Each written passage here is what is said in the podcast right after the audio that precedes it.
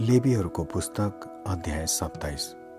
परमप्रभुले मोसालाई भन्नुभयो इजरायलीहरूलाई भन् कुनै मानिसले भाकल गर्दा मान्छेको भाकल परमप्रभुलाई चढायो भने तिमीहरूको मूल्याङ्कन अनुसार बिसदेखि साठी वर्षसम्मको पुरुषलाई पवित्र स्थानका सेकेल बमोजिम चाँदीका पचास सेकेल तोकिदिनु अनि स्त्रीलाई चाहिँ चाँदीका तिस सेकेल तोकिदिनु। पाँचदेखि बिस वर्षसम्मको पुरुषलाई चाँदीका बिस र स्त्रीलाई दस सेकेल तोकिदिनु।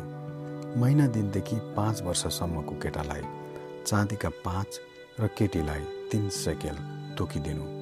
साठी वर्षभन्दा माथिको पुरुषलाई चाँदीका पन्ध्र र स्त्रीलाई दस सेकेल तोकिदिनु।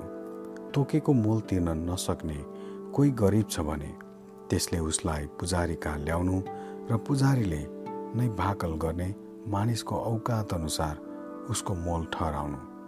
यदि परम्पराको निम्ति चढाइने बलि ग्रहण योग्य पशु छ भने बलिको पशु पवित्र हुन्छ।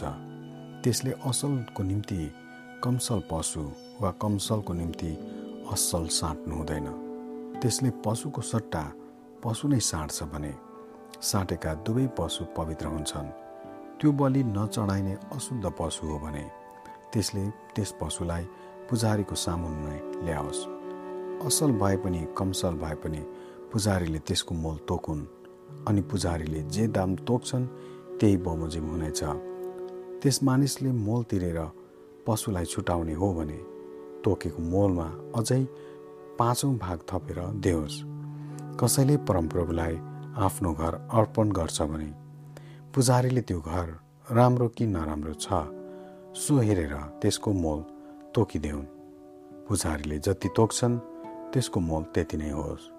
तर अर्पण गर्नेले मोल तिरेर त्यो छुटाउने इच्छा गर्छ भने तोकेको मोलमा अझै पाँचौँ भाग थपेर त्यसले दियोस् र त्यो घर त्यही मानिसको हुनेछ। कसैले आफ्नो खेतको कुनै भाग परमप्रभुको निम्ति अर्पण गर्छ भने त्यसमा जाने बिउको अड्कल गरेर तिमीहरूले मोल तोक्नु। एक मुरीका बिस सेकेल चाँदीको दरले खेतमा कति मुरीको जौँको बिउ जान्छ त्यसले मूल तोकोस्। पुनर्स्थापनको वर्षदेखि त्यसले आफ्नो खेत अर्पण गर्ने हो भने त्यसको दाम तोकिए बमोजिम होस्।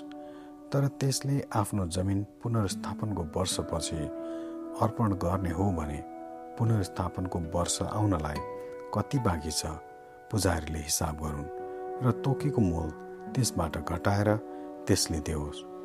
त्यो खेत अर्पण गर्नेले नै मोल तिरेर लिने हो भने तोकेको मोलमा अझै पाँचौँ भाग थपेर त्यसले देओस् र त्यो त्यसकै हो हुनेछ। तर त्यसले त्यो जमिन मोल तिरेर छुटाउँदैन भने वा त्यसले अर्कै मानिसलाई त्यो खेत बेचेको छ भने त्यसले दाम तिरेर त्यो कहिले पनि छुटाउन सक्ने छैन।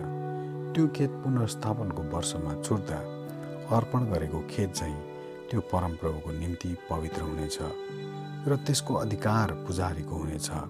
यदि कुनै मानिसले हकले पाएको होइन तर किनेको खेत परमप्रभुलाई अर्पण गर्छ भने पुजारीले पुनर्स्थापनका वर्षको हिसाब गरेर त्यसको जति मोल तोक्छन् त्यसले परमप्रभुको निम्ति पवित्र ठानेर त्यसै दिन देओस् पुनर्स्थापनको वर्षमा त्यो खेत जसबाट किनेको अर्थात् जसको अधिकारमा त्यो खेत थियो त्यसलाई नै फिर्ता गरियोस्। तोकिने मोल सबै पवित्र स्थानका चाँदीका सेकेल बमोजिम होस्। बिस गेराको एक सेकेल होस्। परमप्रभुले बिहाएको पहिलो बच्चा साँडेको होस् वा भेडाको होस् ती अघिदेखि परमप्रभुकै हुन्। त्यसलाई चाँदी त्यसलाई चाहिँ अर्पण नगर्नु। यदि त्यो अशुद्ध पशुको हो भने तोकेको मोलमा अझै पाँच भाग थपेर त्यो छुटाइयोस् तर मोल तिरेर छुटाउने होइन भने तोकेको मोलमा त्यो बेचियोस्। तर परमप्रभुको निम्ति अर्पण गरेको मानिस पशु वा आफ्नो जग्गा जमिन बिक्री गर्न सकिँदैन र छुटाउन पनि सकिँदैन। अर्पण गरेको हरेक कुरो परमप्रभुको निम्ति अति पवित्र हो। मानिसहरूमध्ये जो नाश भएको निम्ति अर्पण गरिएको छ त्यसलाई मोल तिरेर नछुटाओस्। त्यसलाई मार्नै पर्छ। रुखहरूका फल वा जमिनका बिउ होस्।